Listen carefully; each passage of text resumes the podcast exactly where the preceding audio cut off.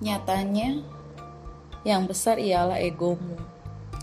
Mau menang sendiri, berbalut kacau dengan emosi, bertarung rindu dengan nurani.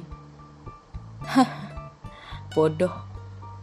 Hadirnya seakan memenuhi harap, berdoa, semoga dialah orang yang tepat.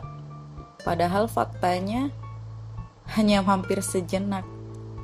Jika dipaksa, malah berujung sesak biarlah segera sudahi atau coba bersabar lagi. Rindu.